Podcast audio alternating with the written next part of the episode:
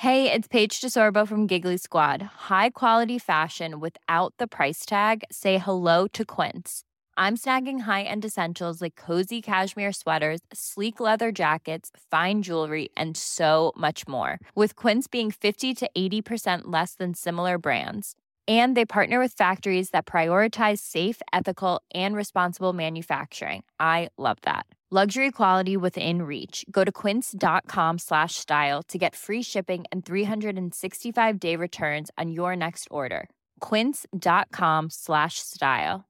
Even on a budget, quality is non-negotiable. That's why Quince is the place to score high-end essentials at 50 to 80% less than similar brands. Get your hands on buttery soft cashmere sweaters from just 60 bucks, Italian leather jackets, and so much more. And the best part about Quince, they exclusively partner with factories committed to safe, ethical, and responsible manufacturing. Elevate your style without the elevated price tag with Quince. Go to quince.com slash upgrade for free shipping and 365-day returns.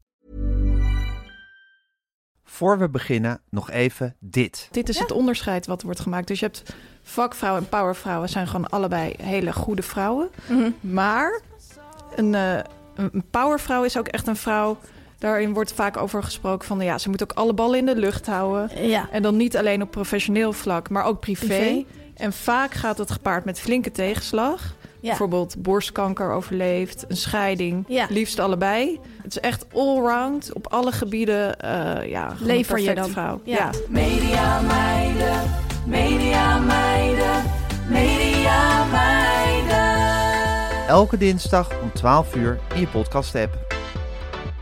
Teuntje. Gijsje. Ja, het is heel verwarrend, maar we zitten niet in Hotel V in de Vieshoofdstraat in Amsterdam. Ik zit op de Nee. burelen van meer van dit. Waar jij bent, dat laat ik nog even in het midden. Maar dat is een... Ja, eh, het is wonderlijk. Ja, dat is een soort teasertje, zou ik maar zeggen. Verder gaan we het hebben, ja, over de oorlog.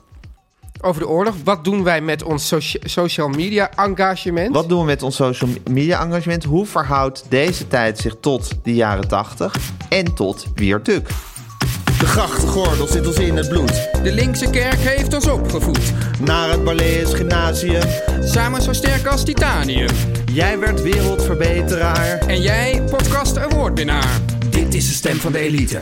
Om lekker links, lekker rijk in je witte wijk van te genieten. Teun en Gijs. Teun en Gijs. Gijs en Teun. Gijs en. Teun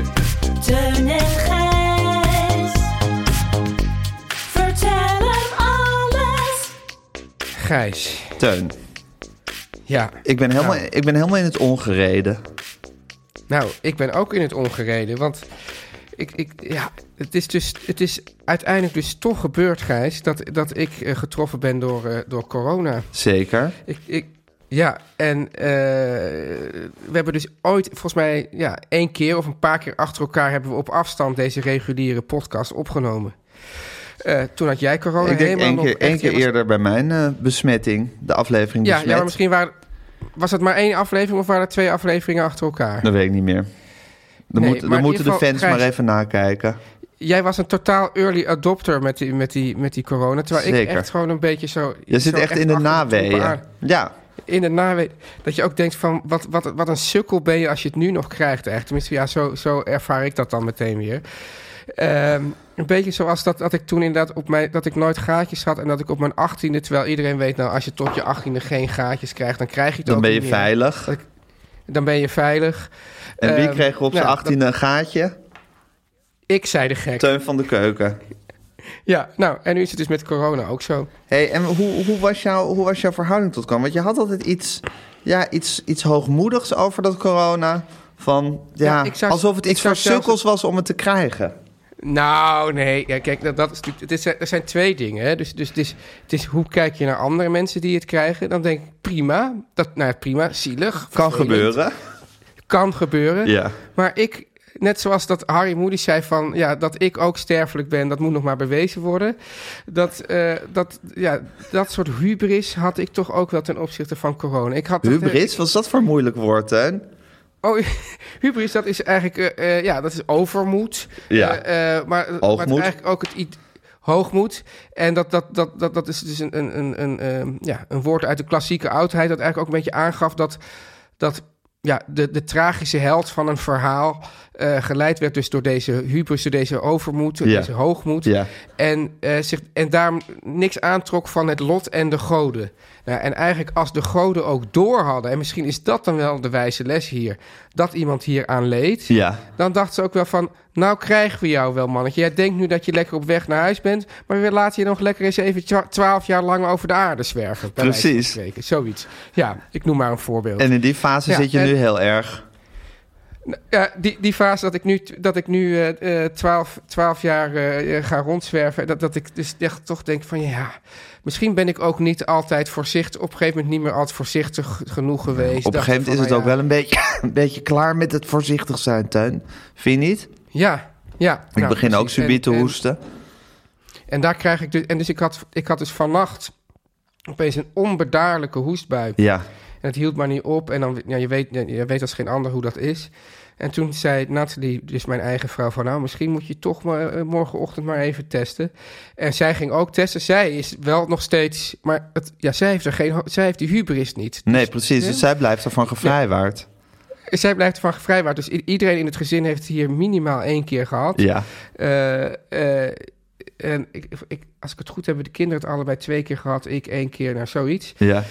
Eh, en ja, zij blijft van gevrijwaard. Maar het is ook zo dat wij niet komend weekend, met het weekend daarop, een, een, een tripje naar Berlijn hebben gepland. Ja. Dus nu zit Nathalie te overwegen of het nog niet, toch niet handig is om ze heel erg haar best te doen om maar nu ook door mij besmet te raken. Oh. Ten slotte heeft, heeft ze gisteren de hele, hele nacht wel in die hoestbui voor mij gelegen. En ik, eh, ja, ik, ik heb voor haar gekookt. Ik zei ook nog, oh, nou, dat betekent natuurlijk niet dat ik kan koken vanavond. Toen zei ze, nee, dat wordt eh, eten bestellen.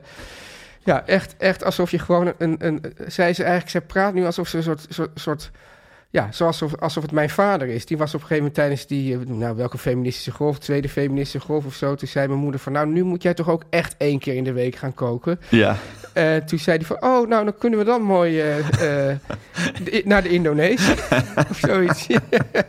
Maar wat goed, wat Ja. goed dat de tweede Ja. feministische golf zich in jullie gezin zo ehm uitte dat, dat het wel was van... Nou, dat, we, zijn, we zitten nu full swing in de tweede feministische golf. Nu moet papa één keer per week gaan koken. Zo, dat is zo... precies, ja. ja, dat blijft er dan van over, van die hele golf. Ja, ik vind dat heel erg Jan Jans en de kinderen Ja, eigenlijk. zeker. en dan denkt die opa denkt er dan het zijne van.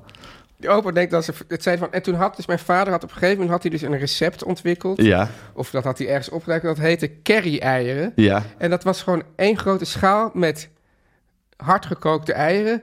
met daarover een soort currysaus. en daar was hij dan ook heel erg tevreden over... dat hij toch, toch dit, dit culinaire hoogstandje wist te prepareren. En dan zei hij ook, ja, ja, ja, ik kan, ik kan ook koken, ja hoor. En moest je dat dan el- elke week eten, die curry-eieren? Ja, eh, nou, ik denk dat het misschien een soort... dat het bijna een soort campagne was... om hem weer van het koken af te krijgen. En mijn moeder... Die, Och, dat is ook uitgekookt, hè? Eh, pun, pun not Ja, intended. Ja, Ja, nee, echt maar niet. kijk, zo, Nee, ja, zo ben ik maar niet. zo werkt het.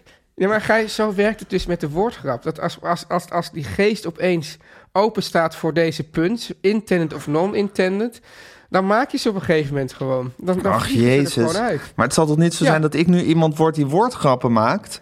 Omdat ik te lang met jou, te intensief met jou ben omgegaan? Ja, maar het is ook zo, als die geest uit de fles is, dan heeft het geen zin om te zeggen van nou Teun, ik ga voortaan alleen nog maar met Marcel om. Ik, ik weet ook niet wat, waar dat toe leidt. Misschien dat je dan een soort chagrijnig cynische kijk op de wereld krijgt, Ja, bijvoorbeeld. ja, dat zou kunnen. zeker. Altijd beter dan, dan, dan woordgrappen Ja. maken. Maar als die geest eenmaal uit de fles is, gaat hij er ook niet meer in. Dus, dus de samenwerking eh, houden we toch maar in stand. Zeker. Zeker, Gijs. Zeker op de dag, hè, we nemen dit op, op maandag op, dat Matti en Wietse eh, de handen weer in één hebben geslagen. Ja, Want dat is, dat is natuurlijk wel prachtig nieuws. Ik, ik kijk even of ik het citaat ehm, eh, er nog Paraat bij hebt? kan vinden. Eh, Nou, ik heb het dus niet paraat, maar ik ga het wel paraat. Jeetje, ik druk op een knop en opeens komt er een foto van Eus in beeld. hè? Ik weet niet wat. Gadverdamme. Zit hij je te hacken of zo? Ja, dat is heel eng. Dat is, eh, ehm, ja, Sky- Skynet is dat. Alles is Skynet. Oké, even kijken. Nou, ze hadden het gevoel alsof de tijd had stilgestaan. Het was een beetje alsof je met een ex eh, in de weer was. Ja. De ene maakte grappen over de benzineprijs, zei die ander, gelukkig heb je een Tesla. Nou goed, tot daartoe eh, alles, eh, dat snap, verwacht je wel. Maar nu, Gijs. Het is voor de twee een mooi moment om het verleden achter hen te laten. En daar komt het. En zeker als je nu kijkt wat er allemaal aan de hand is in de wereld. dan zet dat dingen ook in perspectief, om het zacht uit te drukken. Dus wij geven elkaar een hand en gaan zoveel mogelijk geld inzamelen voor Oekraïne. Het is maandag te horen op alle radiozenders. Ach, Jezus Christus. Ja, Ja. ja. Ja. Nou, dat is toch mooi, Gijs? Ehm, nou, dat is interessant, want exact Ja. het, het tegenovergestelde eh, speelt zich dus af dan in mijn hoofd. Want zij zeggen Oh. van, eh, Oekraïne is zo erg... eh, wij, wij, wij, wij, wij, wij, wij, wij begraven onze veten om aan te geven hoe Ja. erg het is. Maar ik voel hier Ja. dus alleen maar bij... We hebben een oorlog in Oekraïne. Dat is iets rampzaligs. Maar op een of andere manier denken Matti en Wietse dat nog te kunnen overtoepen... door het nieuws Ja. te brengen dat zij zich nu aan elkaar vast gaan ketenen... en weer, weer als vrienden door het leven gaan. Ik bedoel, Eh, en wat bedoel, je, wat bedoel je dan precies met overtoepen? Dat trouwens, trouwens eh, ik heb, ik hoor, laatst gebruikte ik ook het woord overtoepen, wat ik natuurlijk ook gewoon ken uit het begrip eh, van het Toepen? spel toepen. ja. Ja, en toen zei iemand, hey, dat hoor ik de laatste tijd heel vaak. En dat, dat, dat schijnt, wordt nu, is ook een modieus begrip geworden. Wist jij dat? Wist ik niet. Ik, ik huiver wel een beetje om het te gebruiken... maar ik kon even geen ander woord verzinnen... want ik vind het een heel erg Matthijs van Nieuwkerk-isme. Ja, daar zal het Hij was heel erg van, Ja. oké, dan moet jij even overtoepen. Als hij dan zo aan ta zo'n zo'n tafel zo zat, zat, zat, zat op te juinen om steeds leukere dingen te vertellen. Maar dan toep ik even Ja. over. Dan, soms krijg je een soort Amsterdamse tongval. En, En, eh, en is dat dan is dat ook zo'n beetje zoals vakbondsvoormannen eh opeens ja, eh, Ja. Amsterdams gaan praten precies. of Rotterdams? Ja, om een soort, Ja. soort, soort one of the guys-achtige sfeer te creëren. Zoals Paul Rozenmuller daar dan, die natuurlijk ongeveer de meest deftige jongen is die je maar voor kan stellen, dan in de Rotterdamse haven stond en opeens heel erg plat ging praten. Ja, ja. Ja, Ehm, maar goed, dat heeft Matthijs dus ook. Dat heeft Matthijs Ja, ook. nu- Maar ik vind dus dat Matti en Wietse op een of andere manier... ja, de, de, de, de, de, de, de oorlog proberen nog, nog over te... ja, zich, zichzelf nog op een manier boven de oorlog te plaatsen in, nieuwswaardigheid. Ja, ja, ja. En, dat gebeurt, en dat wordt ook dan gretig door eh, de nieuwsmedia overgenomen. Zeker, zeker. Dus in, zo, Ja. in zo'n tijd En- leven we. Ja, maar Gijs, hoe vind je het dan? Want ik, ik zat eventjes eh, naar jouw Instagram-account te kijken. Ja. En ik zag daar dus niet een geel vierkant met zwa- zwarte letters. Ik geef. Nee, ik ben daar wel toe opgeroepen. En, en, en dat heb je doelbewust niet gedaan. Ja, een soort semi, semi-doelbewust. Ja, ik vind, ik vind Instagram-activisme... Ik vind, ik vind dat zoiets lastigs. Eh, Ja. Dat ik, ik, ik, kon het, ik kon gewoon... Al, alhoewel ik eigenlijk principieel niet eens een, eh, een reden kon verzinnen... om niet die tegel met ik geef te plaatsen... Kon, Ja. kon- was ik gewoon niet in staat om de fysieke handeling uit te voeren. Als je begrijpt wat ik bedoel. Ja. Nou, het gekke is dat ik dus helemaal begrijp wat jij bedoelt. Ja. En tegelijkertijd ehm, ja, is dit misschien ook weer een soort misplaatst... eh, van ons Arrogantie? Ja, arrogantie of, of Hooghartigheid? hooghartigheid, dédain of, of, of, of Ja. gêne ook. Ja, ben ik met je Eh, eens. terwijl, want je kan hem ook gewoon zeggen, ja, kijk, dat, bij, dat, in- bij, dat, bij dat Instagram-activisme of social media-activisme, dan is het dat is natuurlijk altijd heel erg vrijblijvend, denk je dan. En, en dat, dat straalt dan, je hebt toch snel het idee van, kijk, mij is nou, ik geef. Maar aan de andere kant, ehm, ja, ik heb net, net een, eh, ik heb, ik heb net ehm, een uitzending gemaakt ook over de grote acties in de, in de jaren tachtig eh, voor één voor Afrika, Ja. waar ook dus ook van alles op, op aan te merken is. Daar is het toch wel een beetje, nou, het is allemaal begonnen met Mies natuurlijk, met Open Door. Ja. Maar ja, het blijkt toch dat het wel dat het toch ook heel erg effectief is. Mhm. Ja. En moeten we dan niet over, die, over die schaduw heen stappen van oh, dit Ja. is zo gênant. En oh, mensen zeggen dan kijk mij nou. Ja. Eh, Ja, dit is eigenlijk hetzelfde als wat, Matti, wat ik Matti en Wietse verwijt. Heb ik hier zelf Ja. eigenlijk ook. Dat ik eigenlijk mijn eigen, mijn, mijn, eh, mijn eigen domme meningje of soort domme principetje. Stel boven het, dra- het, het gigantische drama wat zich aan het voltrekken is. Ja, maar, maar het grappige is, maar eigenlijk, maar je, het, het uitzicht dus in precies de omgekeerde vorm.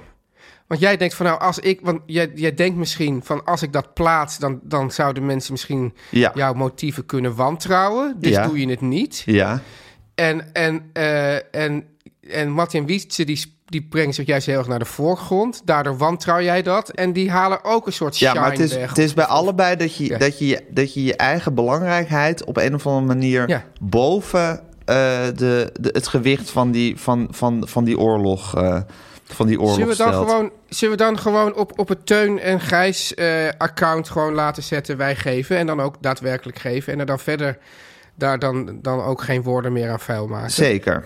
Dat gaan we doen. Ja? Ik, ga, ik, ga zo meteen, en- ik ga zo meteen onze en- stagiair opdracht geven om dat te doen. Ja, dan hoeven wij ook die fysieke handeling zelf ook niet uit te voeren. Nee, Dat scheelt dan weer. dat scheelt. Oeh, Teun en Gijs. Hey Teun, Gijs. Ehm, ik moet zeggen dat die hele oorlog.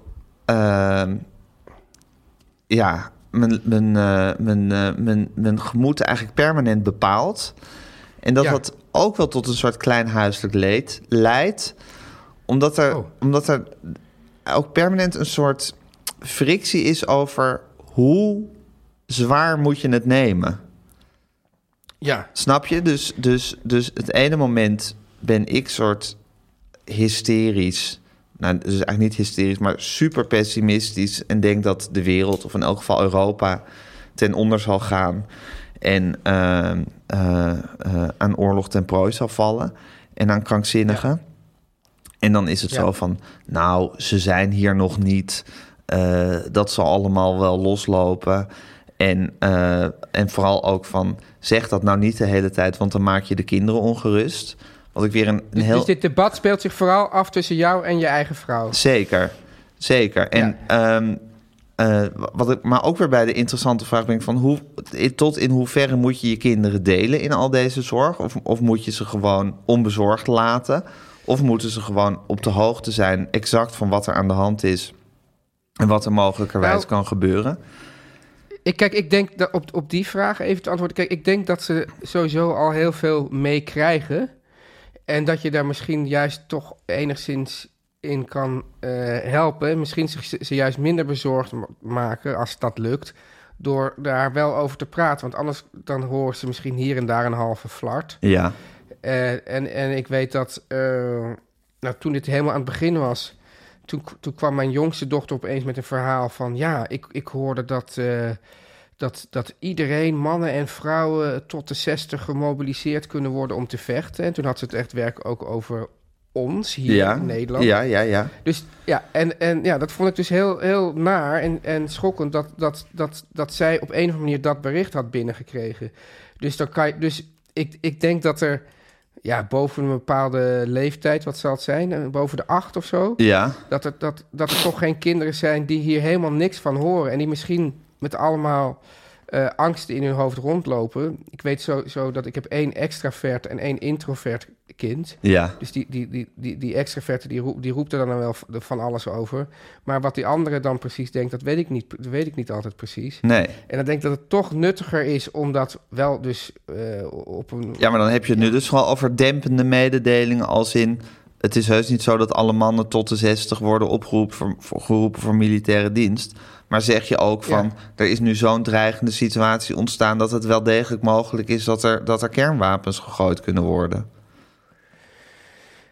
Ja, nou, Ja, dat laatste denk ik dus... Ja, ik denk, ja, wat... Ja, goed, eh, eh, ja, wat, wat heb je daar aan... zolang dat eigenlijk ook weer helemaal niet aan de, aan de hand is? Bedoel, dat, ja, de Ja, precies. situatie is er wel. Maar ja, dat, dat denk ik dus inderdaad dat dat dan niet, dat dat niet zo zinvol is. ja, en toch werden wij door onze ouders ook meegenomen... naar die, Ja. naar die kruisrakettendemonstratie. Je hebt er dus nu net een heel programma over gemaakt.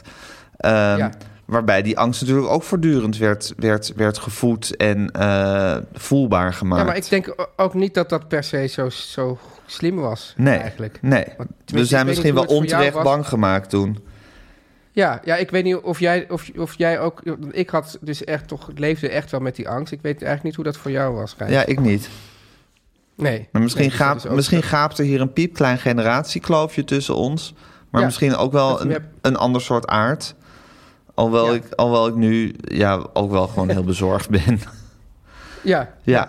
ja, ja nee, het is ingewikkeld. Maar, maar die, die, en de, gaat de discussie vooral hierover met betrekking tot de kinderen? Of Nou, de- die discussie gaat over de kinderen, maar verder is er vooral een soort verschil in gemoed. Omdat je gewoon het ene moment, dat kan je gewoon, kan je denken van, nou, het zal allemaal wel goed komen. En dan kan de ander net in een, in een, in een, in een toestand zijn van, de wereld gaat ten Ja. onder. En vice versa. Dus ik kreeg, Ja. ik kreeg net een app van, moeten we eigenlijk niet naar Portugal emigreren? Nou, Oh, in zo'n stemming ben ik nu net weer niet. Terwijl ik gisteravond weer wel in de stemming was van... we gaan er allemaal aan en, en eh, vluchten is het enige, het enige logische om te doen. En Teun, ik eh, zat ook te denken van... ja, wat moeten, we nou, wat moeten we nou met onze podcast de afgelopen week? Van hoe kunnen we nou over, over ja, al, die, al die ditjes en datjes en wissewasjes blijven praten... eh, Ja. als, deze, als deze ramp eh, op ons afkomt. En toen dacht ik, nee, juist nu moeten we de podcast blijven maken. Ook om gewoon Ja. nog, nog te snappen in welke situatie het zijn. En ook bijna als een soort historisch document. Ja, ben ik helemaal met je eens. Het is, eh, het is ook een. Ja, het, het was al een historisch document van onze vriendschap. Je hebt Zeker. ook eh, op, opgedragen om een, een roman over onze vriendschap te gaan schrijven. Ja. Nou, dat is een hele, hele taak. Ik hoop dat dat ook lukt voordat de bom valt. Eh, en, eh, maar, ehm, nee ja, dat, dat is zo. Alleen het, het is meer zo dat staat het gemoed van ons en van de luisteraars ook naar dat wij dan opeens ook over ditjes en datjes gaan praten. Ehm, ja, het gekke is dat, dat, eh, dat hoe, hoe dreigend zo'n situatie ook is... en hoe deprimerend het is dat er op zo'n korte afstand... zo'n afgrijzelijke oorlog aan het... zo'n kleine afstand zo'n afgrijzelijke oorlog aan het woeden is... En hoe, hoe, hoe eh, bijna tastbaar het gevoel ineens is dat, dat, dat hier alles ook in elkaar kan donderen. Ja, dat alle Ja. ditjes en datjes en wisselwasjes toch ook gewoon eh, nog altijd doorgaan. Hou vast bieden. Ja, Nou, houvast bieden, maar ook gewoon zi- zich, zich niet laten uitroeien. Dat is natuurlijk ook, Ja. eh, ook het interessante aan, eh, weet ik veel, wat dat, dat boek van Sebastian Hafner over de tijd voor de Tweede Wereldoorlog. Of van, eh, hoe heet die? Die twee dikke boeken die bij iedereen in de boekenkast stonden. Nou ja, goed, het is, het is ju- juist hoe het gewone leven doorgaat in een achteraf gezien misschien dramatische tijd, is natuurlijk ook wel weer leerzaam. Ja. En, eh, maar ik begrijp wel dat, dat het gesprek gaat dus vooral dan over ehm, nou, de dreiging die ons kan treffen en minder over eh, nou ja, gewoon die, die zielige arme mensen die, die eigenlijk ook nog een paar weken geleden gewoon Ge- gewone levens hadden en Netflix zaten te kijken en naar hun werk gingen. Ehm, ja, nou ja, die, die, gaan, die gaan wel hand in hand. Kijk, natuurlijk dat, Ja. er, dat er ergens op de wereld een verschrikkelijke oorlog woedt, dat is, altijd, dat is helaas altijd zo. Ehm, eh, dat hoe, hoe dichter bij die oorlog is, hoe, hoe, hoe, hoe dreigender die voelt. Of hoe, hoe, eh, hoe voelbaarder die is. Dat, is. dat is nou eenmaal ook een soort menselijk iets. En eh, nu komt er ook nog bij dat je het gevoel hebt dat we met z'n allen gewoon in een kruidvat leven. Waarvan het lont elk Ja. moment eh, ontstoken kan worden. En met z'n allen bedoel ik gewoon hier in, eh, in Nederland. ja. En, en dan, en dan eh, nou even nog tw- twee opmerkingen, Gijs. Ja. eerste is dat, dat ehm, mijn, mijn moeder vertelde mij laatst dat zij dus op een gegeven moment hadden overwogen om naar Nieuw-Zeeland te emigreren. Ja. Daar zou de bom dan niet vallen. Ja. Eh, en het andere is, eh, oh ja, kijk, eigenlijk heb ik drie opmerkingen. Het andere is dat, dat er nu toch ook veel kritiek is op dat mensen zeggen van, ja, eh, Oekraïne, daar hebben mensen het dan wel over, maar bij Syrië kwam de hulp helemaal niet op gang. Zeker. Ja, en wat, wat, wat vind je daarvan? Te, te, terecht en tegelijkertijd menselijkerwijs begrijpelijk. Omdat ik net zei dat hoe, di- hoe dichter Ja. di- bij dingen zijn, hoe meer je ze doorvoelt. Op, dat is volstrekt onredelijk. Maar goed, dat is nou eenmaal omdat je altijd het, het centrum van je eigen universum bent.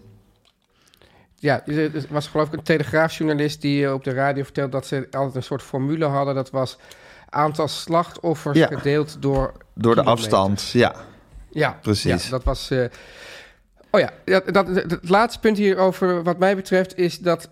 eh, nou ja, goed. Hoe bang moeten we zijn dat, dat, nou ja, dat, dat de gek op de knop gaat drukken? Ja. dat binnen 21 minuten kan dan, is dan die kruisraket ook op eh, LA eh, geland. Dus als die eenmaal drukt, dan is er ook gewoon eigenlijk werkelijk niks meer te doen.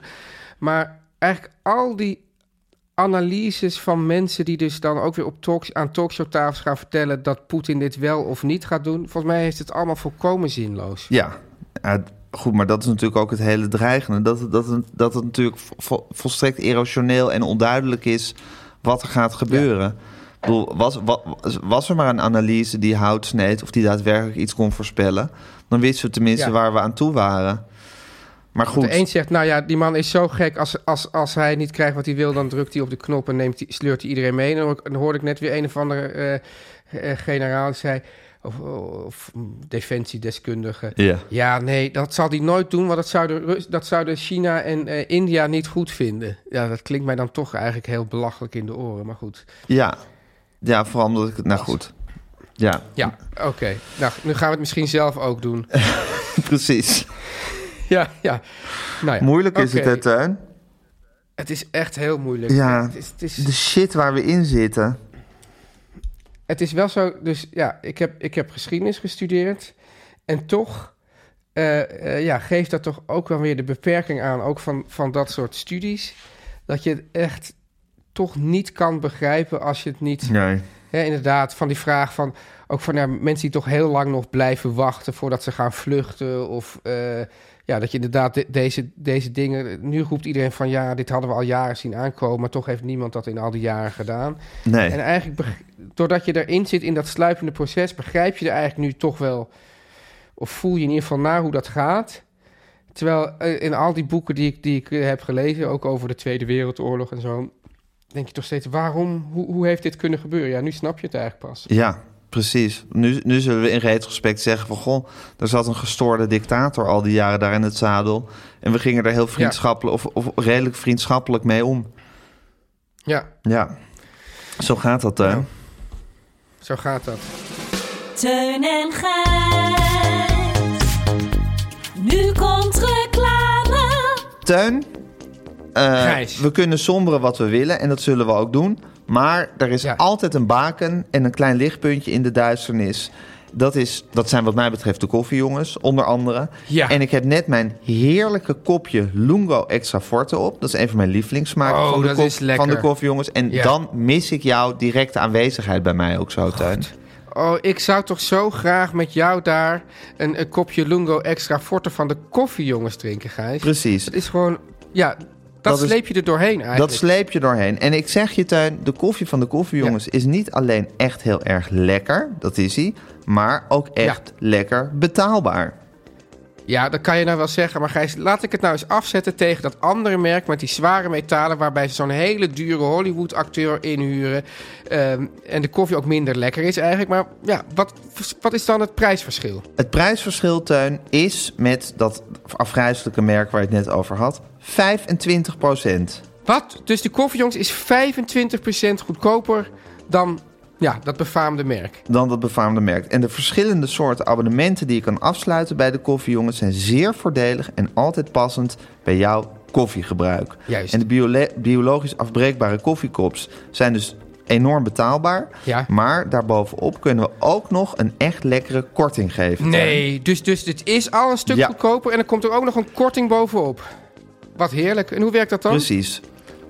Nou, als je naar dekoffiejongens.nl slash Teun en Gijs gaat... Ja. en je vult de, kort, de, de kortingscode Teun en Gijs in...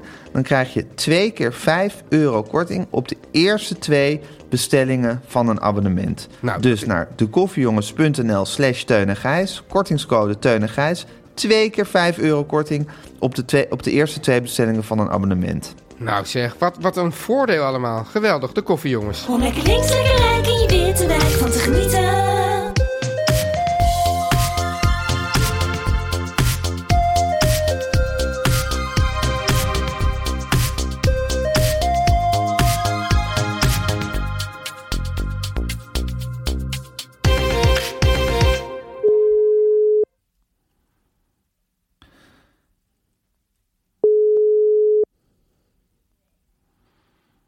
Hallo jongens. Hallo Hanneke. Hallo, mam. Hallo. Hallo, mam. Ja, Te- Teun is ook op afstand. Ach, waarom? Ja, ik ben, ik Corona. Ben, ik ben eindelijk, uiteindelijk toch door eh, eh, corona te pakken genomen. Ik had al verwacht, dat overkomt mij niet meer. Maar zo zie je maar. Teun had hubris. Ja, Teun had hubris en nu heeft hij corona. Ja, En nu heeft hij corona, precies. Ja, ja, ja, het is het een of het andere, hè? ja, Ja. kan niet allebei Ja. hebben. Nee. Ja. hey, Teun, Ja, Hanneke. ik heb gisteravond toch met verbijstering... We, we nemen dit op op maandagochtend. Met Ja. verbijstering naar dat kernwapenaflevering van jou zitten kijken. Ja, bizar hè? Ja. Bizar, je had het er al over gehad. Ehm, maar het is echt krankzinnig als je... Ik heb toen nog eh, eh, radioprogramma's gemaakt vanuit Dodewaard. Waar ook gedemonstreerd werd tegen een kerncentrale. Ja, ja. Nee, ja, maar, maar het, is, het is natuurlijk zo raar dat dat nu opeens... eh, actu- raar actueel en, raar actueel, ja. en onbevangen toen. Ik bedoel, we hadden opland met een tekeningetje van een vrouwtje en een kruisraketje. Ja, ja. Maar ja, ook de, de, ook de grootste eh, demonstraties die er ooit geweest zijn in Nederland. Zeker, zeker. Ja, Ja, ja. Was jij toen nou eigenlijk echt bang voor een kernoorlog, mam, in de jaren 80? Herinner jij je dat? ik, en ik herinner het me natuurlijk als de dag van gisteren. Maar was je bang? Nee, ik was helemaal niet bang. Het was meer Nee. een soort politiek, Heel anders dan nu, hè? politieke bezorgdheid, weet je wel. Dat je denkt, ja, dat gaat toch niet gebeuren. Maar we moeten die dingen hier niet hebben. Nee, maar het was volgens mij meer sowieso waren wij... Want ja, die mensen die in de, in de uitzending aan, de, aan bod komen... dat waren dan, dan voornamelijk ook piloten. Die waren dus wel echt... En, en oud-soldaten, die waren echt bang voor de Russen. Terwijl dat vonden in, in, in onze kringen... en dan, dan neem ik die kring van jullie en van ons maar als één... Ja, Eh, ja, waren we daar eigenlijk waren we helemaal niet bang voor de Russen, maar meer voor, voor de Amerikanen, gek genoeg. Ons, die, dat- en, Ja. en voor dat hier dan die kruisraketten werden geplaatst. En moeten we nou, als we 200 keer de wereld kunnen vernietigen, moet het dan 300 keer worden? ja. Eh, en dat we gewoon dat, al, dat, al die enge dingen hier niet eh, in, in het land wilden hebben. dat was het, ja.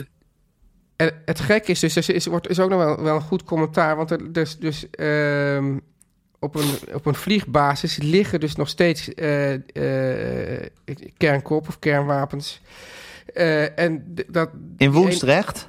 Nee, eh, in eh Volkel. Volken. Ja, Volkel. Ja. En ehm, daar, daar, daar zegt, die, zegt die man van ja, en opeens, eh, dus in de jaren tachtig werd er dus regelmatig werd daar gedemonstreerd. En opeens kwamen die demonstranten niet meer. Dus toen was de mode was er ook gewoon echt vanaf. Ja, ja. Maar is dat, is dat na de perestroika gekomen dat dat gedemonstreer ineens ophield? Nou, ik denk en de gewoon na de, na de val van de muur, denk ik. Maar dat Ja. de demonstratie, eh, op zich lagen die gewoon, die, die, die doodenge kernwapens, die, die, lagen, die liggen er gewoon nu nog steeds. Dus, Ja, maar de spanning was er een beetje af. Ja. Het grappige is natuurlijk wel, Ja. of het grappige, ja, dat toen, toen in de jaren tachtig was het sentiment heel erg van eh, Ja.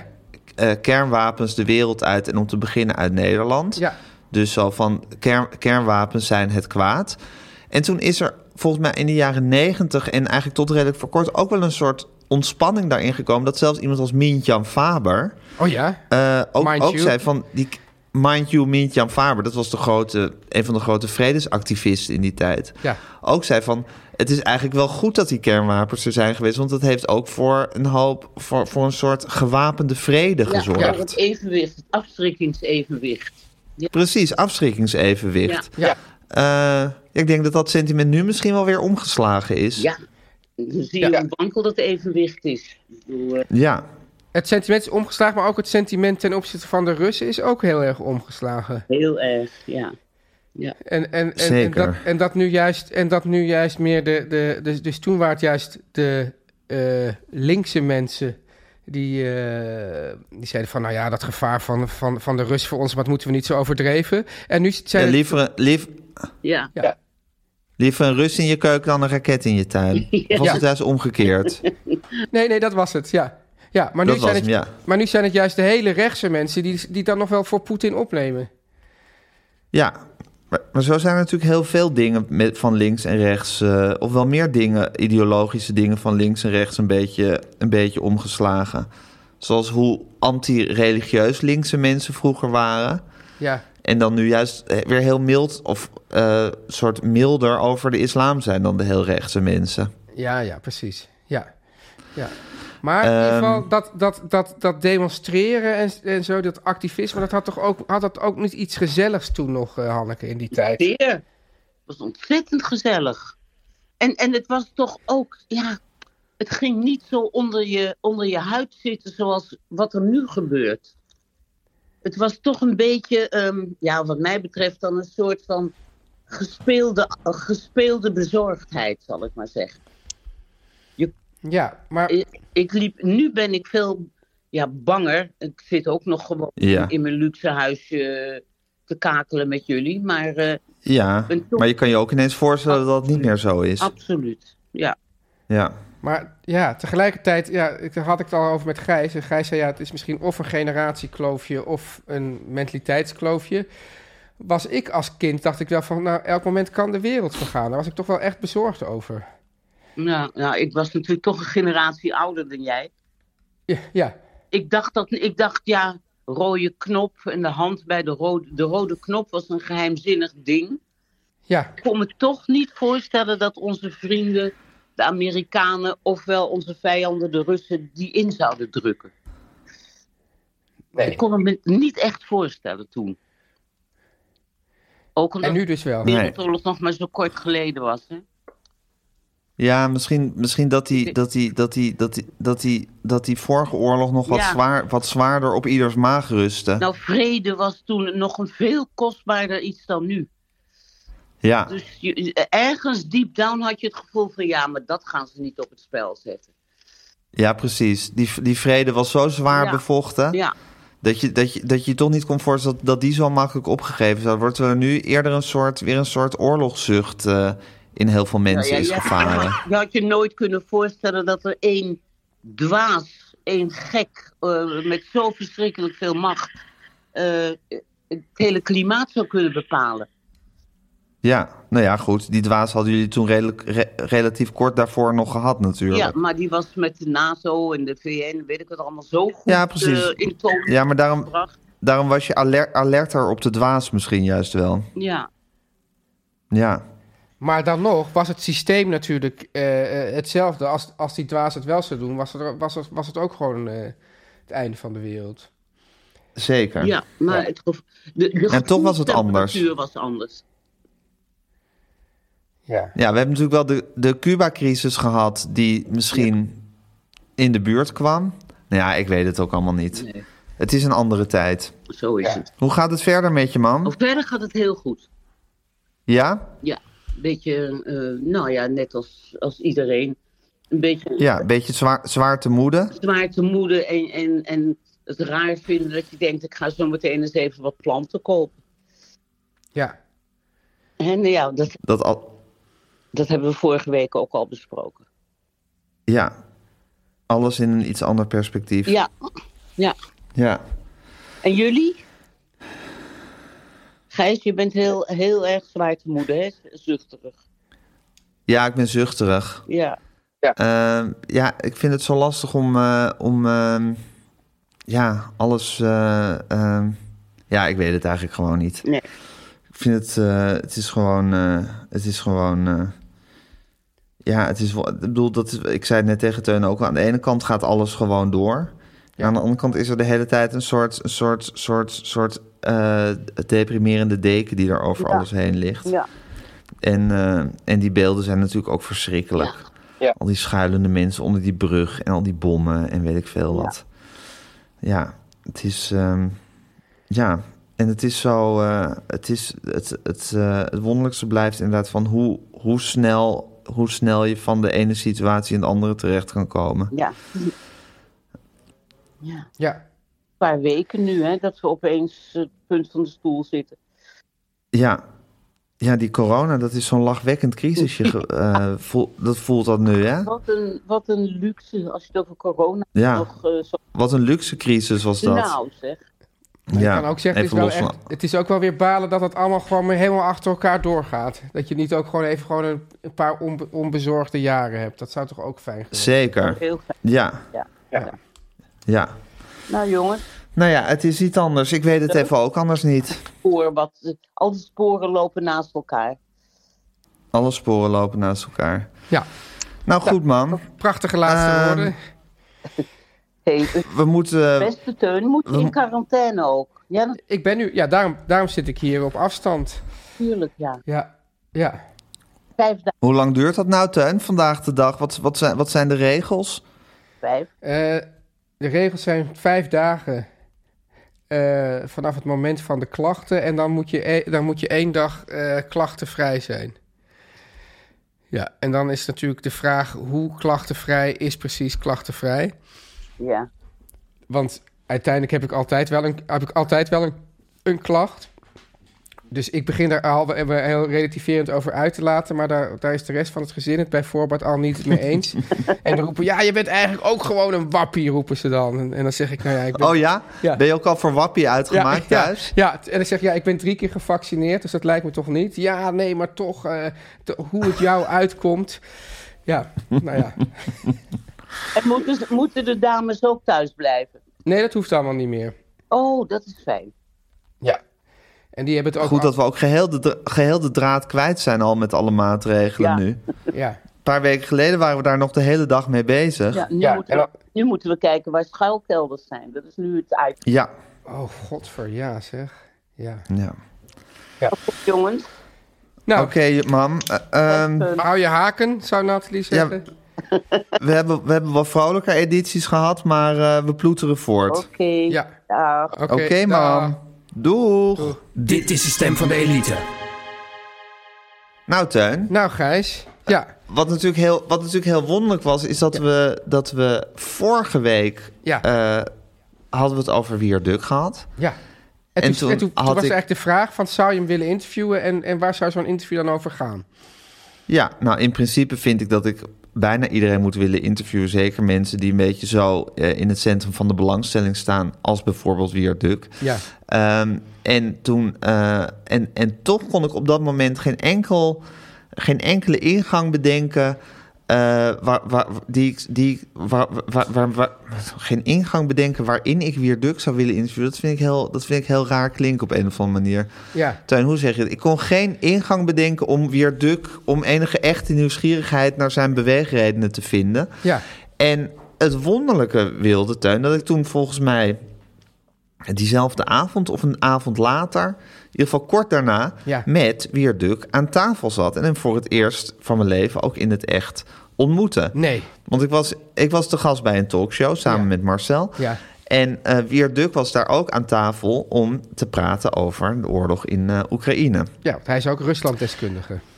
Hij is ook Rusland-deskundige of Poetin-versteer, zoals, Ja. hij zichzelf, eh, zoals, zichzelf noemt. Ja, zo af En volgens mij wel, ja. Oh, ja. Hij heeft toch ook, maar dat, is- dat is toch gewoon wel een soort, soort, soort gekende term. Oh. Poetin-versteer, Oh, weet ik niet, maar... dacht ik. Ja. Oké. en hij heeft toch ook in Berlijn gewoond, net zoals jij, hier Duk. Ja, hij heeft volgens mij in, Ber- hij heeft in Berlijn gewoond. En in, in, in Ja. Moskou, denk ik. En in Moskou, ja. Dus, eh, nou, om te beginnen, eh, ik mijn hand uitsteken. En Wiert, wat leuk om je een keer in het echt te ontmoeten, zei ik. Ja, Toen was het al meteen van, eh, ja, beter dan in die podcast waarin je al, waarin je al die, eh, al die leugens zit te verkondigen en dit en dat.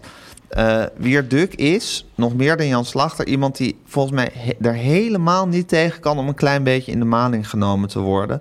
Of op een soort ironische manier besproken te worden. En Dat heeft wist hij ik ook over, van. Heeft hij dan over podcast van jou en Marcel of die van jou en mij?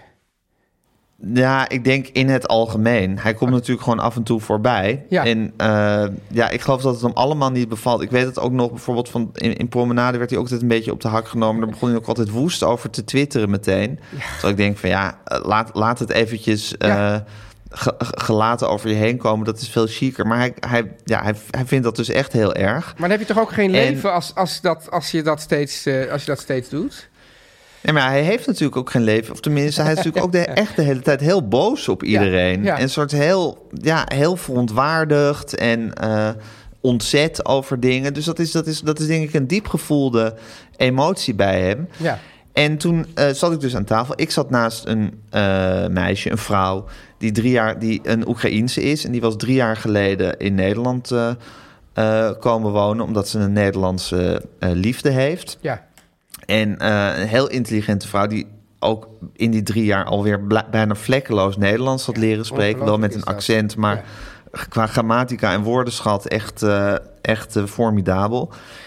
En ik zat even met haar van tevoren te praten en over nou, hoe dat allemaal was gegaan en waarom ze hier woonde en hoe de familie er nu aan toe was. En nou, allemaal nou, verschrikkelijk natuurlijk. En toen zaten we aan, in die talkshow te praten. Ja. Toen was, toen was, was het eenmaal, eh, was het eenmaal eh, begonnen.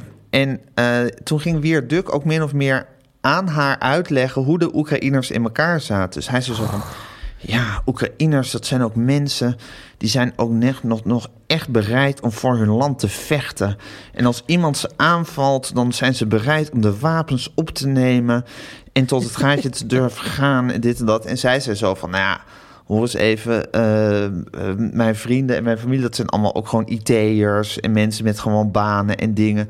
En dat zijn helemaal niet een soort, soort strijdlustige mensen die de hele tijd zin hebben om de wapens op te nemen en voor hun land te vechten. Die willen ook gewoon een, een, een, een normaal, prettig leven hebben. Nou, maar dat is toch heel anders. En hij, hij leeft echt nog helemaal in de diepe overtuiging dat die mensen aan de oostkant van Europa soort permanent bereid waren om met, met, met wapens en bijlen hun land te, te gaan verdedigen. Ik denk dat hij heel erg ook houdt van het begrip volksaard. Dat kan ik me niet anders Precies. voorstellen. Ja. hij is een, echt- een echte vol. En toen zei ik tegen hem, maar Wiert, jij bent gewoon een oude romanticus. Ja. En zei hij, ja, dat is, toen mompelde hij, ja, dat is zo. En toen dacht ik van, Ah, oh, nu dat heb ik het. zou...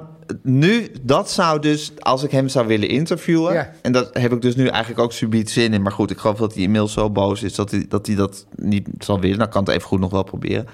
Maar er heerst gewoon in hem een soort... soort soort hele donker romantische ziel die heel erg verlangt naar, naar volkeren die, die voor hun eer en hun land willen vechten en hun nationaliteit willen verdedigen en daar een soort en daar ruksigloos en, en, en zonder grens in zijn. Ja. En dat, zo wil hij de wereld zien. En zo ziet hij de wereld dus ook. In ieder geval de wereld waar hij zelf niet in leeft. Hij ziet Nederland dan natuurlijk als een soort volstrekt Slap, eh, eh, slappappig landje... waar niemand meer snapt wat Nederlands is. Maar hij romantiseert dan heel erg in het oosten... eh, deel van de wereld waar hij gewoond heeft... en waar hij dan blijkbaar een gevoel voor heeft... als waar dat nog wel zo heerst. En als ik hem nou zou interviewen, zou dat iets zijn waarvan ik me af zou vragen... hoe is dat, hoe is dat gevoel bij jou ontstaan? Waar is dat vandaan gekomen? Maar, eh tegelijk, Dus dat, dus- maar als hij dus met de realiteit wordt geconfronteerd... iemand zegt, nou ja, dat is helemaal niet per se zo... lang niet alle Oekraïners... dan, dan ja, wijkt hij dus ook niet Ja, dan- van zijn romantische beeld. Nee, precies. Maar dat is, dat is dus ook waarom ik, waarom ik snapte dat hij, dat, hij, dat hij veel meer een romanticus is dan een, dan een realist. Ja. Omdat hij dan echt daaraan vast wil houden. Terwijl ja, die vrouw tegenover hem toch duidelijk meer, echt meer recht van spreken had. Aangezien ze er vandaan komt en er gewoon familie heeft wonen. En waarom was je, zei, je zei hij is nu eh, zo boos dat hij dat niet meer zou willen. Waarom is hij dan nu zo boos? Nou, hij kreeg in die uitzending ook nog een soort dingetje met Mars. Want we, nou, ik, we werden natuurlijk weer met Jan Slachter geconfronteerd. Ik bedoel, Ja. waar Ja. we ook komen, moet het nu steeds over Jan Slachter gaan. Ja. Dan zei ik van ja, Jan Slachter is gewoon heel boos op ons en dit en dat. Nou, dat verhaal weer even vertellen. En toen zei weer Duk, ja, maar ze zijn ook heel irritant, zei hij over ons. Oh. En toen, toen begon hij te zeggen over dat Marcel dus allemaal onwaarheden over hem had verkondigd. En toen ging Marcel zeggen dat dat heus wel meeviel en een voorbeeld geven over wat hij had gezegd en, en hoe dat met de waarheid strookt. Nou, dat, dat liep een piepklein beetje uit de hand. Als ik Johnny de Mol was geweest, had ik het nog veel meer uit de hand laten Ja. lopen. Maar die snapte geloof ik de smeuigheid van deze situatie niet helemaal. Of hij houdt er niet en de van. dag daar... Of houdt er niet van. Maar ja, dat, dan, Ja, ja, nee, maar als talkshow-host moet, nee, je maar- daar, moet je daar toch van houden. Bo van Ervedorens houdt er ook niet van. Dan zie je dan, Nee, dan lijkt ja. er echt iets uit de hand, zegt hij. En dan opeens, ja, maar jongens, laten we nou in deze tijd de verbinding zoeken. En dan denk je, waar, hoe, hoezo? Dat is ja, maar dan snap zo- je toch de essentie van de talkshow niet eigenlijk. En dat is ook helemaal niet jouw taak om, om alles te gaan lopen sussen. Dus dat, dat vind ik dan ook heel nee, erg merkwaardig. jouw taak is om spannende tv te maken. Ja, Ja, lijkt mij. lijkt mij. Ja. Maar goed, dat- liep dus niet aan. Maar toen de dag daarna was eh Wierduk weer te gast bij Voetbal Insight. Ja. En toen ging hij deze hele ruzie, werd, werd nog eens helemaal overgedaan. en toen was er ook niemand om hem tegen. Dus toen ging hij weer nog helemaal los op Marcel. Nee, het, zit zich, het richt natuurlijk vooral op Marcel. Maar goed, ik neem aan dat hij mij dan mee de weg uitneemt daarin. ja. Eh, ja, dus dat is nu, zou ik maar zeggen, op zijn mediacourants een beetje geëscaleerd. Ach, jeetje, Mina. Zeg. Dus daarom denk ik dat het... Maar goed, ik, eh, mocht, mocht de gelegenheid zich voordoen... Misschien als je ga ik het wel luistert. proberen te creëren. Viert, als je luistert. En misschien stuur ik je wel even een appje binnenkort. Ja. Zou, ik, zou ik hem toch heel graag willen interviewen... om, om een paar dingen te begrijpen. En ik wil het graag horen. Teun en Gijs. Nu komt reclame. Teun, Ja. Ik wil, je even, ik wil het even serieus met je hebben... over het grootste kennisfestival. Het grootste Ja. kennisfestival is een congres... maar het is een congres in festivalvorm. En het gaat, Teun, hou je vast, over innovatief organiseren. Het is ooit Oh, ontstaan. interessant. Ja, het is ooit ontstaan bij Lowland- Lowlands. En het thema is gebaseerd op de theorie dat bij succesvolle innovaties een kwart te danken is aan de technologische innovatie. Maar drie kwart van die innovaties komt door sociale innovatie. En dan Ah, vraag, jij dan vraag jij natuurlijk af wat sociale innovatie is. En dan zeg Ja, wat ik zijn dat? anders leiding geven, anders samenwerken, co-creëren. Daar gaat het om bij het grootste kennisfestival. Dat is sociale innovatie. Eh, Ja, aan- belangrijk. ja, dat is wel heel belangrijk. Aan het begin van de corona-epidemie zijn ze bij het grootste kennisfestival begonnen met het opnemen van masterclasses, waarvan er nu meer dan 40 online staan. En er zijn heel wat topsprekers onder, zoals Danielle Brown, Jan Rotmans, Hans van der Loo, maar ook mensen als zwemcoach Jacco Verharen en rapper Stix. Nou, en het fijne is, Gijs, dat je nu zoveel kunt kijken als je wilt en wanneer je wilt. Dat is zo heerlijk, want de masterclasses worden nu ook aangeboden in abonnementsvorm. Voor maar 495 euro heb je een jaar lang onbeperkt toegang tot alle masterclasses en Gijs, de maandelijkse live Q&A-sessies.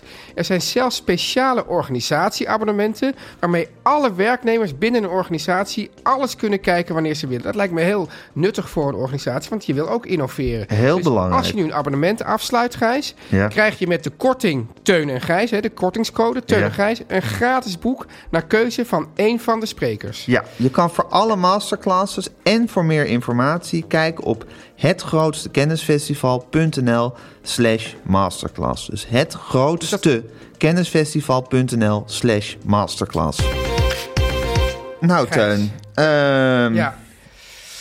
Ja, het, het, ik, ik, ik hoop zo. Kijk, ik zal toch zeggen, Gijs. Ik, ik, af en toe, ik hoor dus dat, dat Macron ongeveer elke week met Poetin belt. Ik hoor ook andere namen op die, die, die onderhandelingen willen starten. Ik hoor dat de Chinezen zich met de hele toestand willen gaan bemoeien. Ik hoop toch, en dat is misschien mijn eh, naïeve, hoopvolle Ja. hartje. Dat, dat dit iets op gaat leveren. En dan hoop ik dat we volgende week toch met een wat blijer gemoed hier achter de microfoon zitten. Sowieso dat ik bij jou in dezelfde ruimte ben. Eh, dus ik wil toch een boodschap van hoop uitspreken, Gijs. Teun, dat deel ik helemaal met je. En ik, ik wil die hoop ook doorvoelen. Ik wil ook Ja. even noemen wie de muzikale omlijsting van deze podcast heeft verzorgd. Jan en Kees Groenteman, Jan en Kees Groenteman met de op Kiki Jaski. Kiki Jaski. Ik, eh, ik heb hier wel naast me, eh, jij ziet er niet, Teun, eh, Ach, zo de, jammer. de hart en soul naast onze eigen hart en soul van deze podcast. En dat is niemand minder dan Guusje de Vries. Guusje de Vries. En Als je wil adverteren in deze podcast, kan je een mailtje sturen. eh, naar, of Gijs, Gijs, Gijs. Ja. Of als je wil adverteren in een van onze andere podcasts. Of hè? als je wil adverteren in een van onze andere podcasts van Meer van Dit. En stuur dan een mailtje Ja. naar info.meervandit.nl. En eh, de kortingscode is... Teunig, teunig. Oh, Nee. oh, lieve Guusje, sorry. Lieve aanheffen Lieve met lieve Guusje. God, Ja, je bent echt in de war. Dat komt was- door de corona. Binnenkort Ah, kan je ook niet meer ruiken. ja. Ja. Nee, dat vind ik, ja. Hey, Ja, ik, kan ik, ook soms een voordeel zijn. ik Ja. had dus in deze zware weken... of deze afgelopen zware week, laat ik me tot deze week beperken... merkte ik hoeveel troost ik weer vond... bij de hartverwarmende muziek van Paul McCartney... Dus ik Oh, had, ja? ik had vorige week had ik de vredesboodschap van John Lennon als Beatles tip. Ja. Maar toen dacht ik van ja, het zijn, het zijn ontregelende tijden. En juist in ontregelende tijden kan je, kan je eh, behoefte hebben aan muziek die kalmeert en geruststelt. En ja, Paul Ja. McCartney is als geen ander in staat om eh, melodieën te maken en ook te zingen op een manier waardoor je hart gewoon verwarmd wordt. Zo erg dat het Ja. af en toe wel erg zoetsappig en zijig wordt. Maar ja, dat heeft nu Dunne lijn. dat heeft nu ook wel iets heel prettigs. Dus ik dacht, laat ik een, weer eens echt gewoon een ouderwetse Beatles-tip doen. Een Beatles-liedje eh, van Paul McCartney. Waar je nou echt een, een prettig en vrolijk eh, gevoel van krijgt. Zoals Paul McCartney dat nou eenmaal bij, je bij je op kan roepen. En dan, wou ik En dat wordt? en dan wou ik een liedje kiezen van mijn lievelingsplaat van de Beatles, de White Album. Eh, Ja. ja, dat is, daar staat een veelheid aan allerlei verschillende soorten liedjes op. En dit is een, een jaren 30 pastiche van Paul McCartney. Het is een heerlijke, lekkere, zoete, verrukkelijke Paul McCartney. Warm je daar aan, Teun. Eh, Ja. Ik wou kiezen voor het liedje Honey Pie. Oh ja, en dan nog even dit. Vanaf donderdag, Teun, is er een hele nieuwe podcast online Ja. van Meer van Dit. Makkelijke Eters met Hiske Versprillen en Joël Broekaert. Ik kijk daar zeer naar uit. Oh, daar verheug ik me enorm op. ja, Ja, over alles wat met de lagere eetcultuur te maken heeft. Nou, daar kan je mij, daar kan je mij nou s'nachts voor wakker maken, Tuin. Teun en Gijs. Vertel hem alles. Hey, it's Danny Pellegrino from Everything Iconic. Ready to upgrade your style game without blowing your budget? Check out Quince. They've got all the good stuff shirts and polos, activewear, and fine leather goods, all at 50 to 80% less than other high end brands. And the best part? They're all about safe, ethical, and responsible manufacturing. Get that luxury vibe without the luxury price tag. Hit up quince.com slash upgrade for free shipping and 365 day returns on your next order. That's quince.com slash upgrade. Even when we're on a budget, we still deserve nice things. Quince is a place to scoop up stunning high-end goods for 50 to 80% less than similar brands. They have buttery soft cashmere sweaters starting at $50, luxurious Italian leather bags, and so much more. Plus, Quince only works with factories that use safe, ethical, and responsible manufacturing. Get the high-end goods you'll love without the high price tag with Quince. Go to quince.com slash style for free shipping and 365-day returns.